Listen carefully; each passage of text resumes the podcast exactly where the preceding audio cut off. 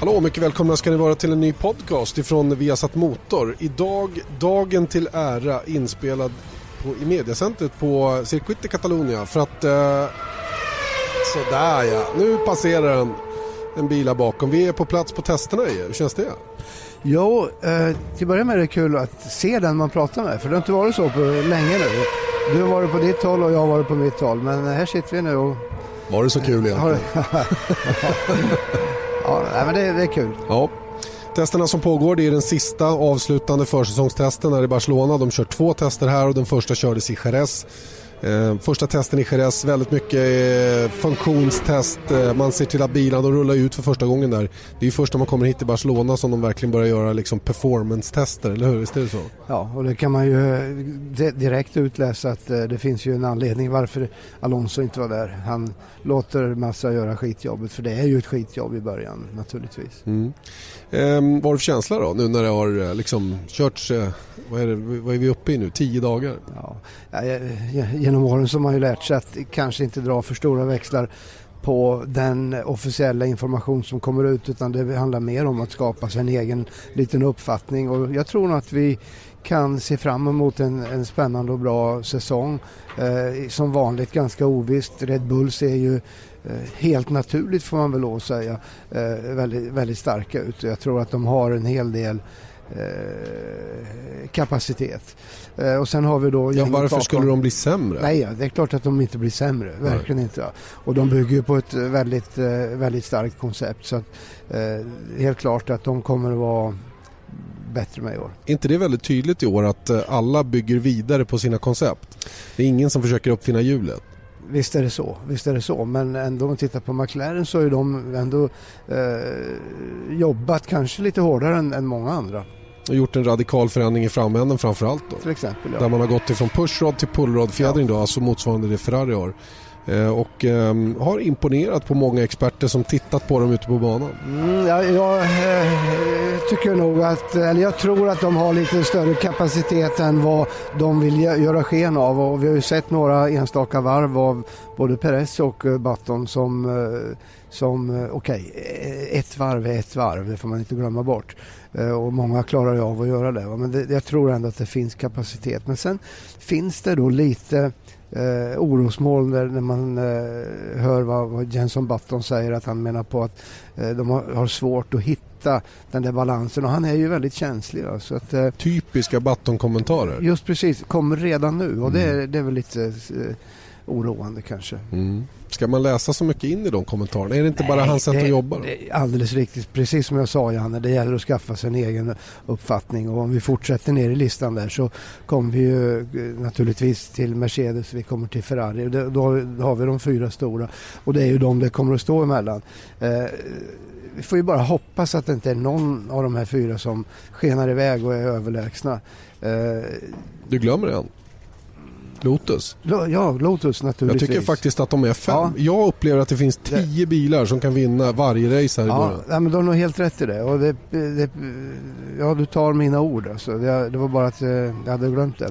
Eh, och äh, de är definitivt en dark horse i, i, den här ekvationen skulle jag vilja säga. Och vi såg ju eh, slutet på förra året, eller vi såg hela året att de hade bra kapacitet. Hoppas bara att de har resurser att hänga i eh, nu hela året och eh, både Kimi och Grosjean tror jag kan, eh, kan bli eh, årets överraskning. Eh, min upplevelse av testerna så här långt är att, att eh, det, det, det finns två team som, som har överraskat eller som har tagit större kliv Kanske för att de hade utrymme för att ta de här kliven också. Och det är Lotus och det är Mercedes.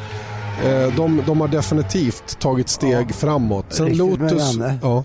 Mercedes, hur, hur, skulle de kunna bli sämre? Nej, det är För helt menar, korrekt. De var ju, och, och, Janne, vi pratade ju ideligen om det förra året och vi, vi sa bägge två att ja, nu är det dags igen. Nu har de blivit bättre enligt egen utsago. Men i själva verket blev de bara sämre och sämre. Och det var inte förrän nu när ska vi kalla det helvetet bröt lös på hösten. De sparkade motorsportchefen Norbert Haug.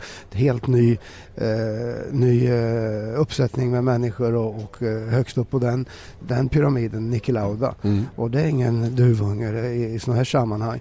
Så att de, de erkände ju efteråt att de var ju helt lost under förra året. Så mm. att, eh, men, men det finns så mycket bra folk där. Så att jag är övertygad om att de, de kommer att se riktigt bra ut i år. Det upplever jag också nu när man har sett dem också. Den, det här problemet med att slita däck som de har haft, som de har haft under väldigt eh, lång period. Sen Pirelli kom in eh, har ju varit ett stort, stort bekymmer och det tycker jag man har jobbat bort. Jag har sett det inte från Lewis Hamilton som har varit på tiondelen mm. i stort sett bara eh, från, eh, från varandra. Va? Och det, det tycker jag visar att man är på rätt väg. Så att sen vad den ultimata speeden är över ett varv det blir ju, eh, det blir ju spännande att se så att säga för Mercedes då. Mm. Eh, du nämner Lewis Hamilton där. Jag tror att han är en oerhört stor tillgång. Eh, inget ont sagt om Nico Rosberg och Michael Schumacher naturligtvis. Men ibland så behöver man ha in någon ny, lite nytänkande.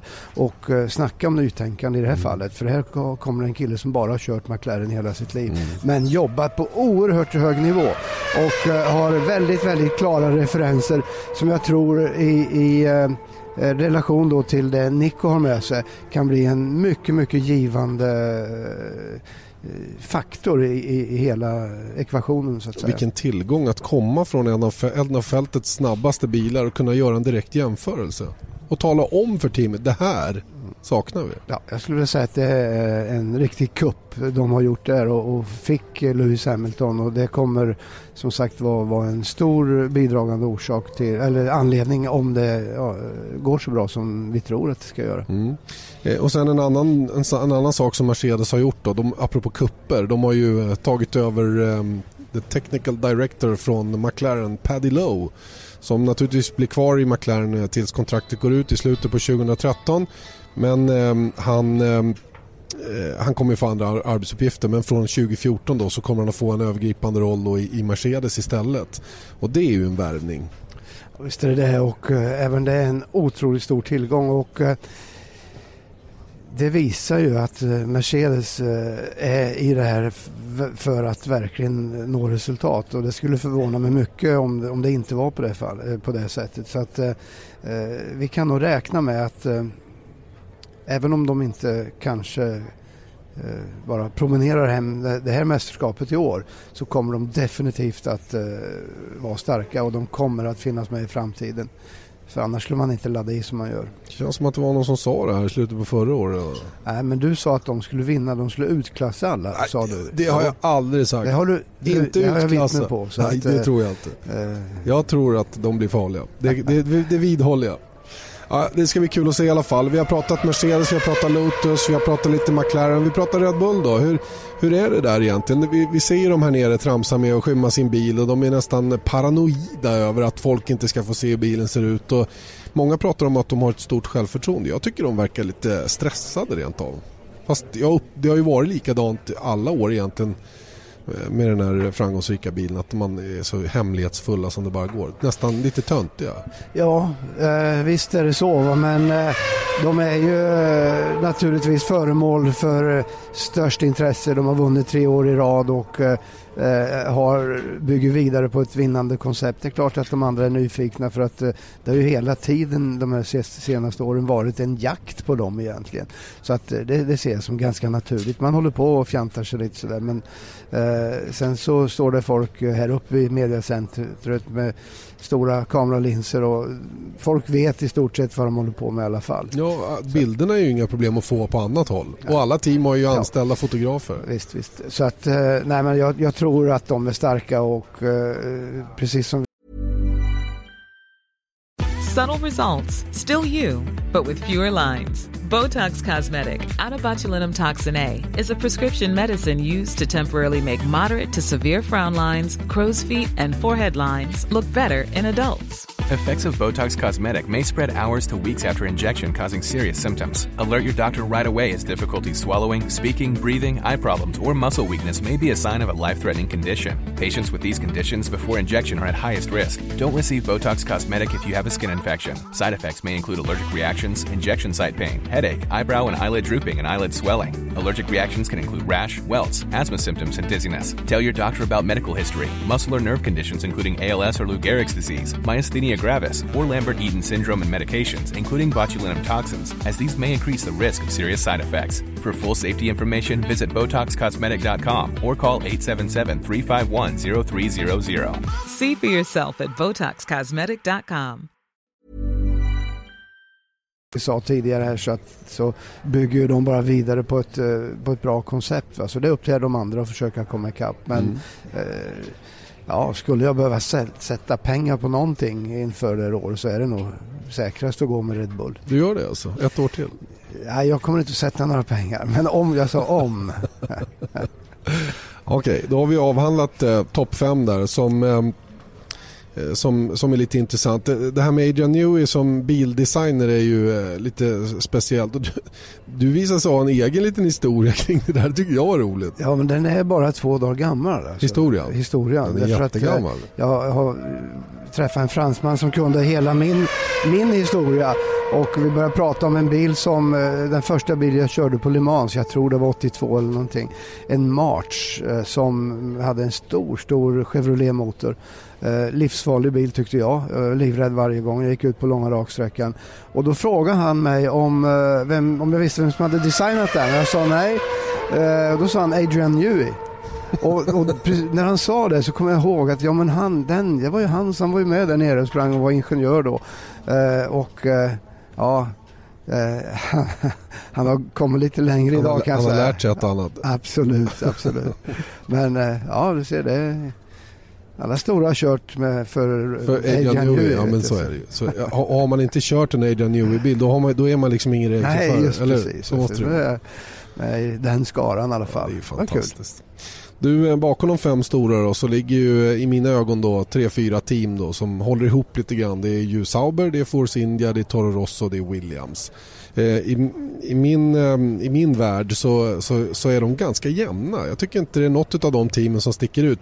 Eh, Toro Rosso känns som de har närmat sig eh, täten av det här mittenfältet så att säga. Då. För de var inte bra förra året, Toro Rosso.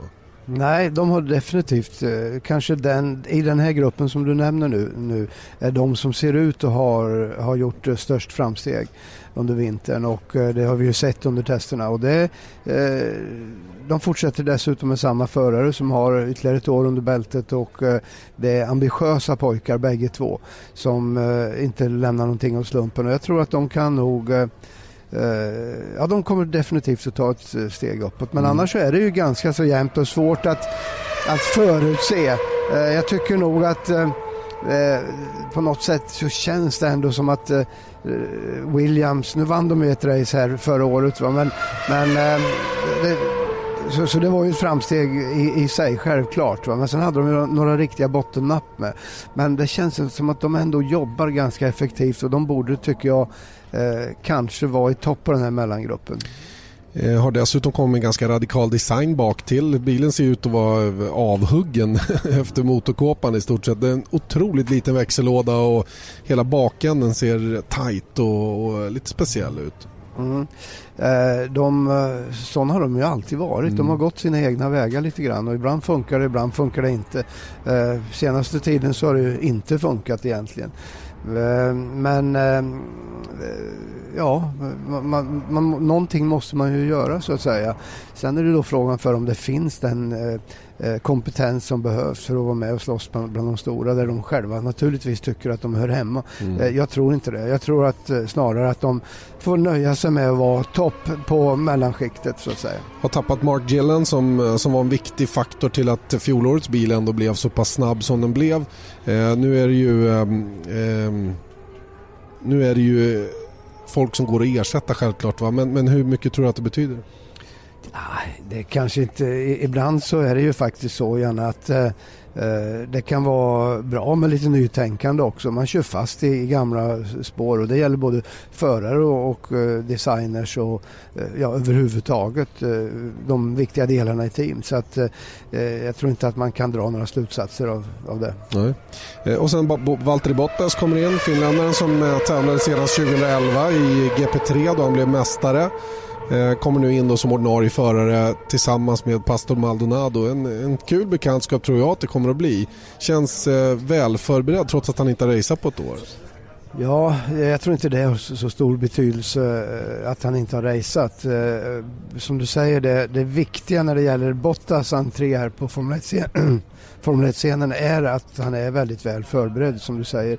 Gjorde jag tror 15 fredagsträningar förra året och eh, naturligtvis var det väldigt aktiv i, i eh, simulator och sen de här testerna nu. Så att han är förberedd och skolad, rätt skolad och har rätt folk runt omkring sig.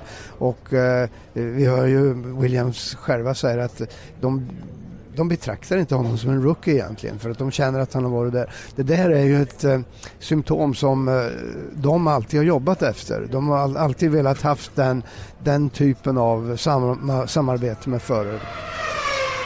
Och um, det är många förarbyten. Det enda, det enda teamet och de mittteamen det är ju Toro Rosso som har behållit sin föraruppställning. Och Sauber har gjort en jättestor förändring och bytt ut båda sina gubbar eller blivit tvungna till det så att säga. Då. Kobayashi åkte ut och eh, Sergio Perez flyttar upp till McLaren. Och det här um, har ju um, gjort att Nico Hülkenberg kommer dit och att Esteban Gutierrez kommer upp från GP2 ytterligare mexikan då naturligtvis eh, starkt länkad till den här eh, sponsorn Telmex som, som hänger kvar hos Sauber ytterligare en tid. Eh, och det här är lite spännande tycker jag. En rolig och spännande uppställning. Sen är jag lite tveksam till Gutierrez förmåga i en Formel 1-bil. Ja, jag kan inte annat än hålla med dig och eh, eh, Nico Hülkenberg är, är, ju en stor tillgång för teamet och han, han är ju otroligt, till att börja med snabb och professionell och balanserad. Eh, jag tror att han kommer att integrera väldigt, väldigt bra i teamet och eh, verkligen driva det framåt. Precis som han gjorde med, med eh, Toro Rosso, eh, Force India förra året. Mm. Eh, menar i slutet på året så var Paul Di Resta väldigt, väldigt pressad för att han hängde helt enkelt inte med. Så att jag tror att Nico Hülkenberg är en stor tillgång. Guterres, ja, eh, jag har lite svårt, eller det, det, är upp till bevis egentligen.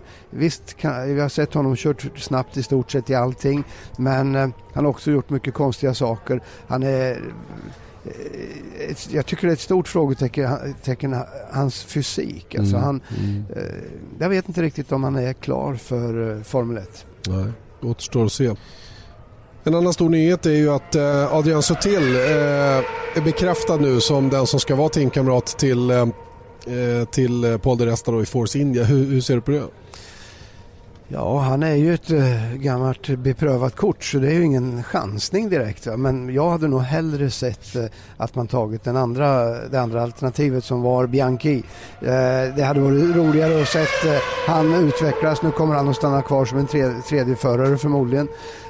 så till, ja, jag tror att vi har nog sett det bästa av honom och ingen mår bra av att hålla upp ett år. jag tycker dessutom det är unikt en förare som i praktiken får sparken kommer nästan aldrig tillbaka. Men i det här fallet, ja då har han gjort det. Men eh, jag, jag, tycker eh, jag tycker inte det är så jätteroligt med Sutil. Jag, jag tycker det skulle vara betydligt bättre med Bianchi. Det var väldigt diplomatiskt sagt tycker jag. Ja. eh, Okej, okay. eh, en annan stor nyhet som vi nosade rätt på alldeles själva här det var ju faktiskt att Heikki Kavalainis karriär kanske inte är över trots allt. Han eh, han, eh, jag, fick ett litet, eh, jag fick en uppgift som sa att eh, det förbereddes grejer för honom för en eventuell test i Marussia här.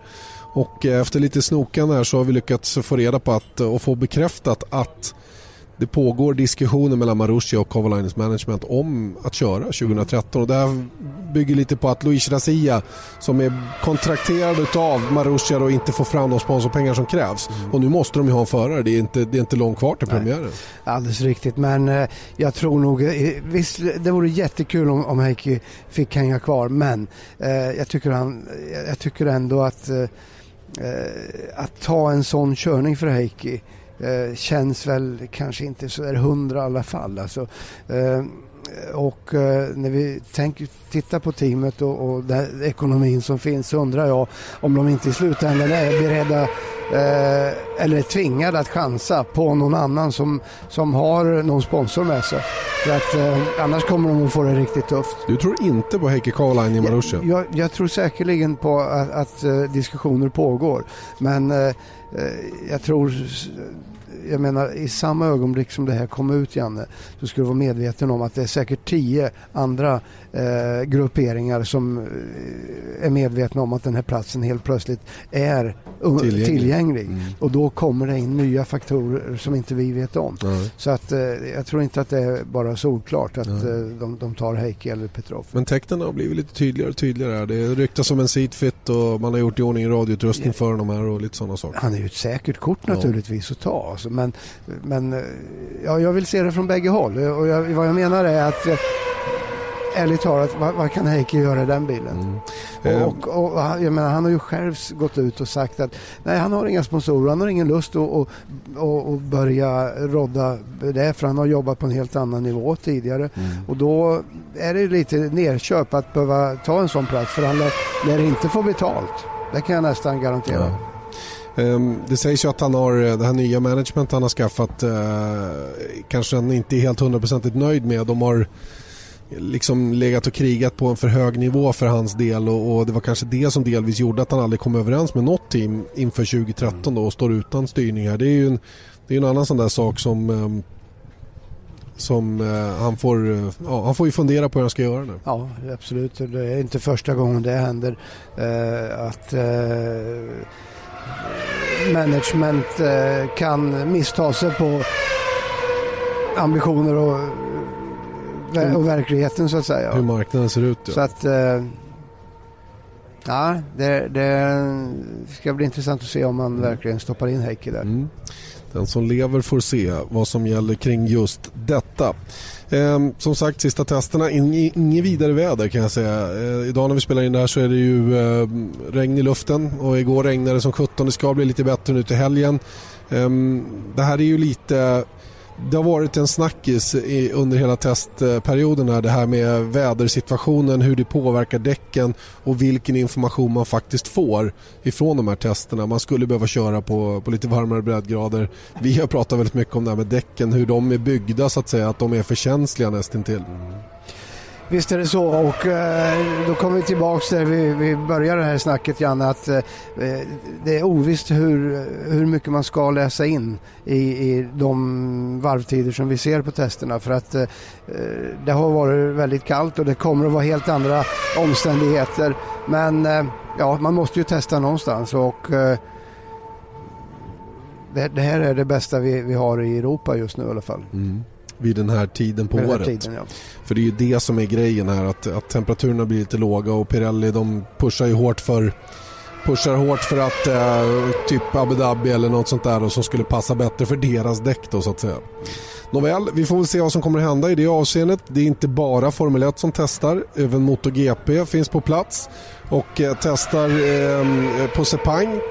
Och, de har gått den andra vägen. Ja, de har gjort det. När det gäller att tester och, och vara på annat håll. Ja. Just precis. Där regnar det bort istället. kan ofta göra det i alla fall i, ehm, i Malaysia. Um, lite kul med MotoGP-säsongen som drar igång. Vi har ju några intressanta namn, vi har pratat om det här tidigare. Eh, Niko Milovanovic, våran eh, expert och eh, expertkommentator alltså på Vesat Motor, MotoGP. Eh, vad är det som har hänt under vintern, Nico? Jo, det har eh, hänt väldigt mycket. De har eh, kört en hel del vintertester nu. Det har skett en hel del förarbyten och, och teambyten för en, eh, en del stora förare som vi kommer till lite senare i, i podcasten här. Men eh, eh framförallt så vill jag prata om de här vintertesterna där eh, Dani Pedrosa avslutade sitt eh, träningspass igår uppe i topp. Men följt på en andra plats, Mark Marquez, hans teamkollega, rookien, han som är en sån häftig förare, han som pressar sin motorcykel till det yttersta varenda varv han bara kör ute på banan. 81 tusendelar efter Danny Pedrosa, han är före Lorenzo, han är före Valentino Rossi. Och där tror jag att vi har en förare som vi kan, eh, eh, ja, vi kan räkna med att han tar sin första seger redan i år. Mycket intressant det där. Eh, vad ser du mest fram emot inför säsongen? Ja, vi kan väl eh, börja där vi slutar. Mark Marquez. Jag vill se hans utveckling under den här säsongen. Kan han hålla kvar den här körningen som han hade under sin Moto 2-karriär eh, och 125-karriären, den här aggressiviteten, den här häftiga körningen. Han inte visar någon respekt alls för förarna utan han, han tar sitt spår, han kliver in på innen och han visar direkt var skåpet ska stå. Och kan han göra det under den här säsongen, då har vi en, en, eh, eh, ja, då, då har vi någonting riktigt eh, häftigt att se fram emot.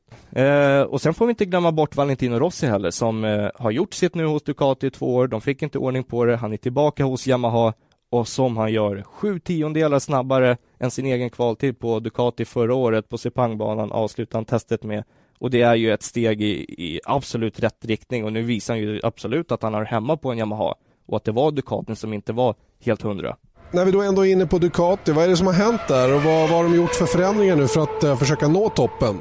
Ja, hos Ducati har det ju skett rätt drastiska förändringar. Dels har ju Audi gått in och köpt eh, hela Ducati och sen har de ju skickat i, iväg deras eh, forna chefstekniker eller ingenjör eh, Preciosi som har varit hos dem i 19 år och försökt att utveckla det här.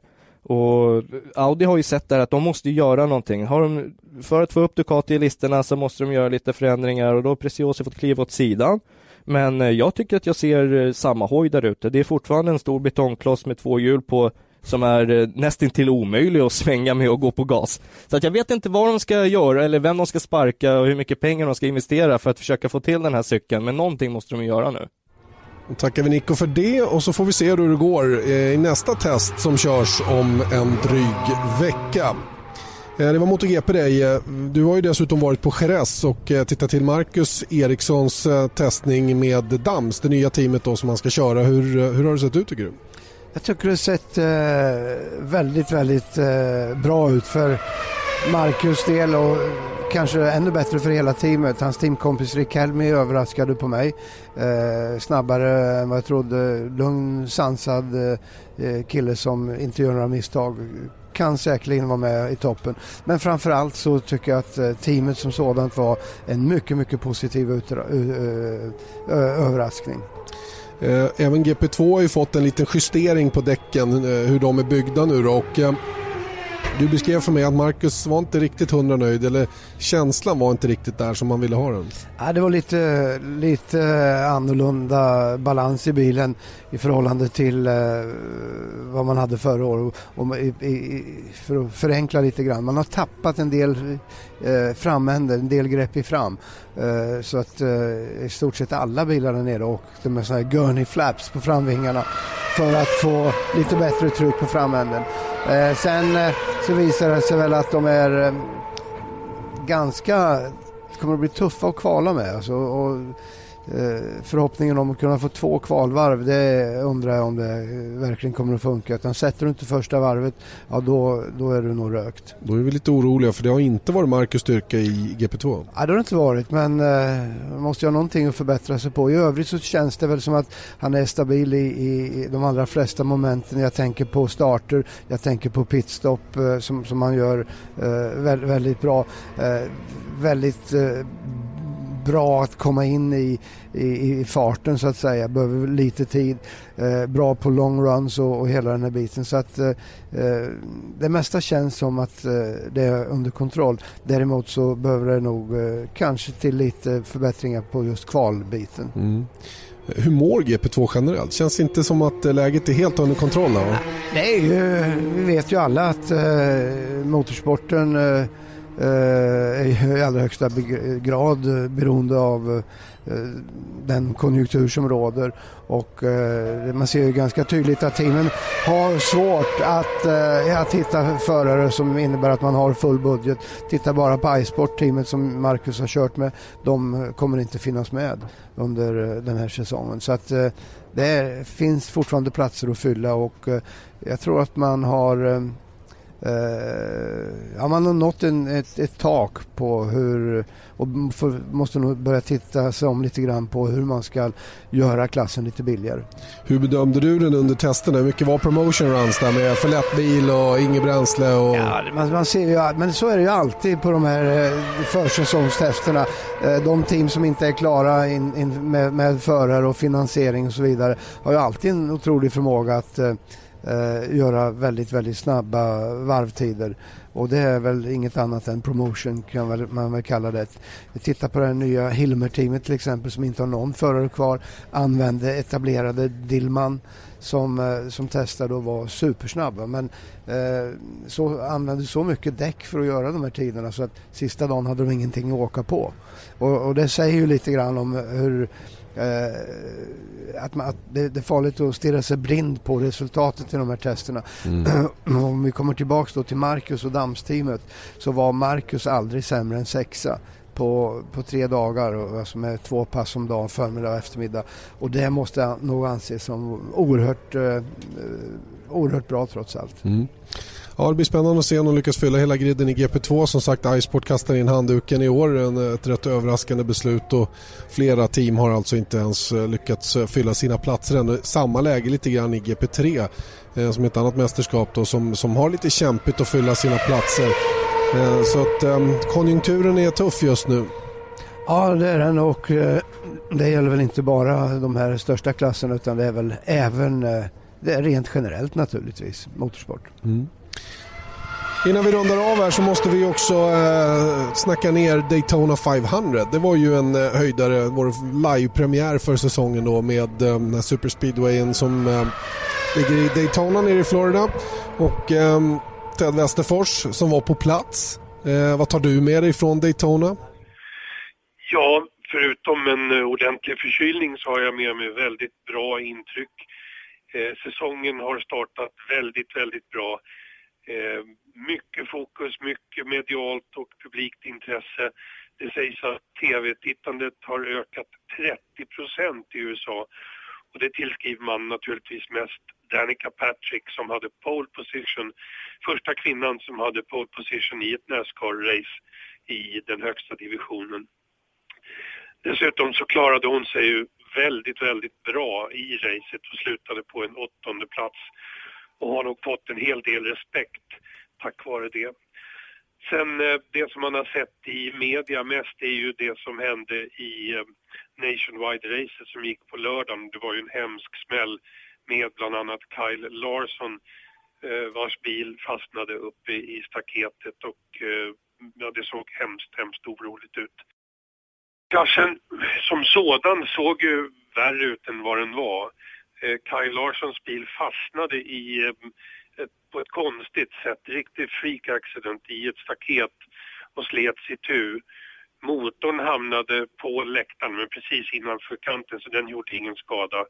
Eh, däremot så såg det ju ganska spektakulärt ut när en lös motor låg där och brann. Eh, däremot så får ett av hans hjul upp på läktaren och träffade en kille i huvudet och eh, man sa först att det var eh, allvarligt eh, men inte livshotande. Eh, han har varit med i intervjuer på TV redan så att det, det, verkar inte så farligt. Och sen en yngre kille, en 14-årig kille som fick eh, ett benbrott och han är lika glad för det.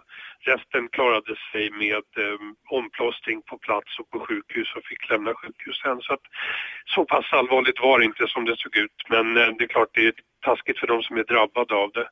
Men eh, alla förare klarade sig helt helskinnade och eh, det har väl bildats lite diskussioner om säkerheten men eh, jag tror inte man kan göra så mycket mer än det man har gjort hittills.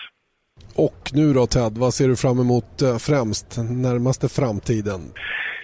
Jag ser fram emot som sagt en väldigt bra säsong. Det har börjat bra. Den nya bilen, generation 6, är, är fantastiskt bra. Alla är nöjda med den och det är sällan det har varit så när en ny bil har presenterats.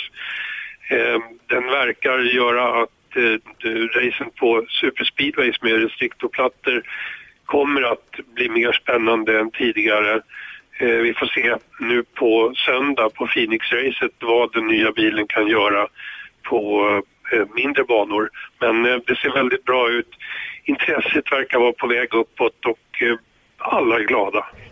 Tack så mycket Ted Westerfors, Lyckans Ost som fick vara på Daytona, alltså se racet där borta. Ehm, Eje, vi är på plats här för att spela in eh, Vesat Motors införprogram inför-program inför F1-säsongen 2013 som för övrigt sänds eh, söndagen den 10 mars på TV10 klockan 20.00. 20.00 TV10, jag fick lite suffleringar också så att vi har rätt på tiderna. TV10 20.00 10 mars det är där ni ser vår, uh, inför, vårt införprogram och uh, det kommer ju ett antal repriser också under veckan på Viasat Motor uh, innan premiären. Så jag tror inte någon ska missa vårt eminenta ihopsatta program, eller hur? Nej, det känns som det är lite på gång nu. Nu, nu, är det verkligen... nu, nu är det på riktigt. Ja. Du, um, Albert Park Melbourne. Mm. Va, Trevligt ställe, synd att det är så ruskigt långt bort. Eh, eh, sitta på flyg i 24 timmar och jobba tre dagar eller vad det nu är och sen tillbaka hem. Det, det är väl kanske inte det. drömsituation men, men eh, sånt får man inte klaga på. Eller? Eh, Albert Park är en, eh, det är en parkbana som namnet antyder. eh, Lite grann av en stadsbana, väldigt trång. Inte någon höghastighetsbana. Pirelli tar med sig Supersoft och Medium till den här banan. Och eh, jag tror att det kan bli... Det känns som att det kan bli en riktig rysare redan i första racet. Ja, jag tror nog att vis av hur, hur, man, hur förra årets säsong inleddes så kommer teamen bättre förberedda på eventuella däcksproblem som det förmodligen kommer att bli naturligt, eller åtminstone diskussioner om däck där nere. Eh, och, eh, men eh, Albert Park är ju ett av de ställena, eller Australiens Grand Prix rättare sagt, eh, de ställena som eh, är bland de trevligaste ställena och mest intressanta. Speciellt med tanke på att det är det första, den första för året och det, det är så mycket som måste ställas i ordning. Allt ska in i sina fack så att säga. Och det är först då vi kommer att få se vem kommer eh, vem kommer eh, vara stark och vem kommer inte vara stark. Topp tre på griden. Men Janne, Kom igen nu, Janne, innan du- start. Du, ska alltid hålla på med sånt där. Ja, Topp tre på griden. Perez. Webbe, nej, Vettel. Button. okej. Perez, Vettel, Button. Okej. Min topp tre i starten är Kimi, Alonso, Vettel. Kimi Räikkönen, Fernando Alonso, Sebastian Vettel. Så ser det ut. Okej, vilka to- hur ser topp tre ut efter målflagg då? Ja, det, det, jag, jag tror på Button. Eh, första, året, första tävlingen på året. Eh, eh, det, det kommer att eh, bli ett tufft race naturligtvis och vi vet ju hur det gick förra året. Ja, ja, hur går det? Ja, Button, Button, eh, Button Perez eh, Webber. Dubbelt McLaren alltså. Ja. Stort. Ja, jag tror Kimi vinner och han kommer att göra det för Vettel och Fernando Alonso. Frågor på det? Bra Okej. att vi aldrig är överens i alla fall. Nej, men det tycker jag också. Det, det är fin, fint. Nu har vi inte tid med det här längre. Vår podcast är över för den här gången. Om en vecka har vi en ny. Missa inte vårt införprogram, alltså TV10, 10 mars 20.00 med ett flertal repriser på Viasat Motor under veckan innan premiären som alltså är den 15-17 mars i Albert Park, Melbourne med Ejel, Frida Nordstrand, Fotomange, allihopa på plats. Det blir underbart. Vi hörs om en vecka. Hej då!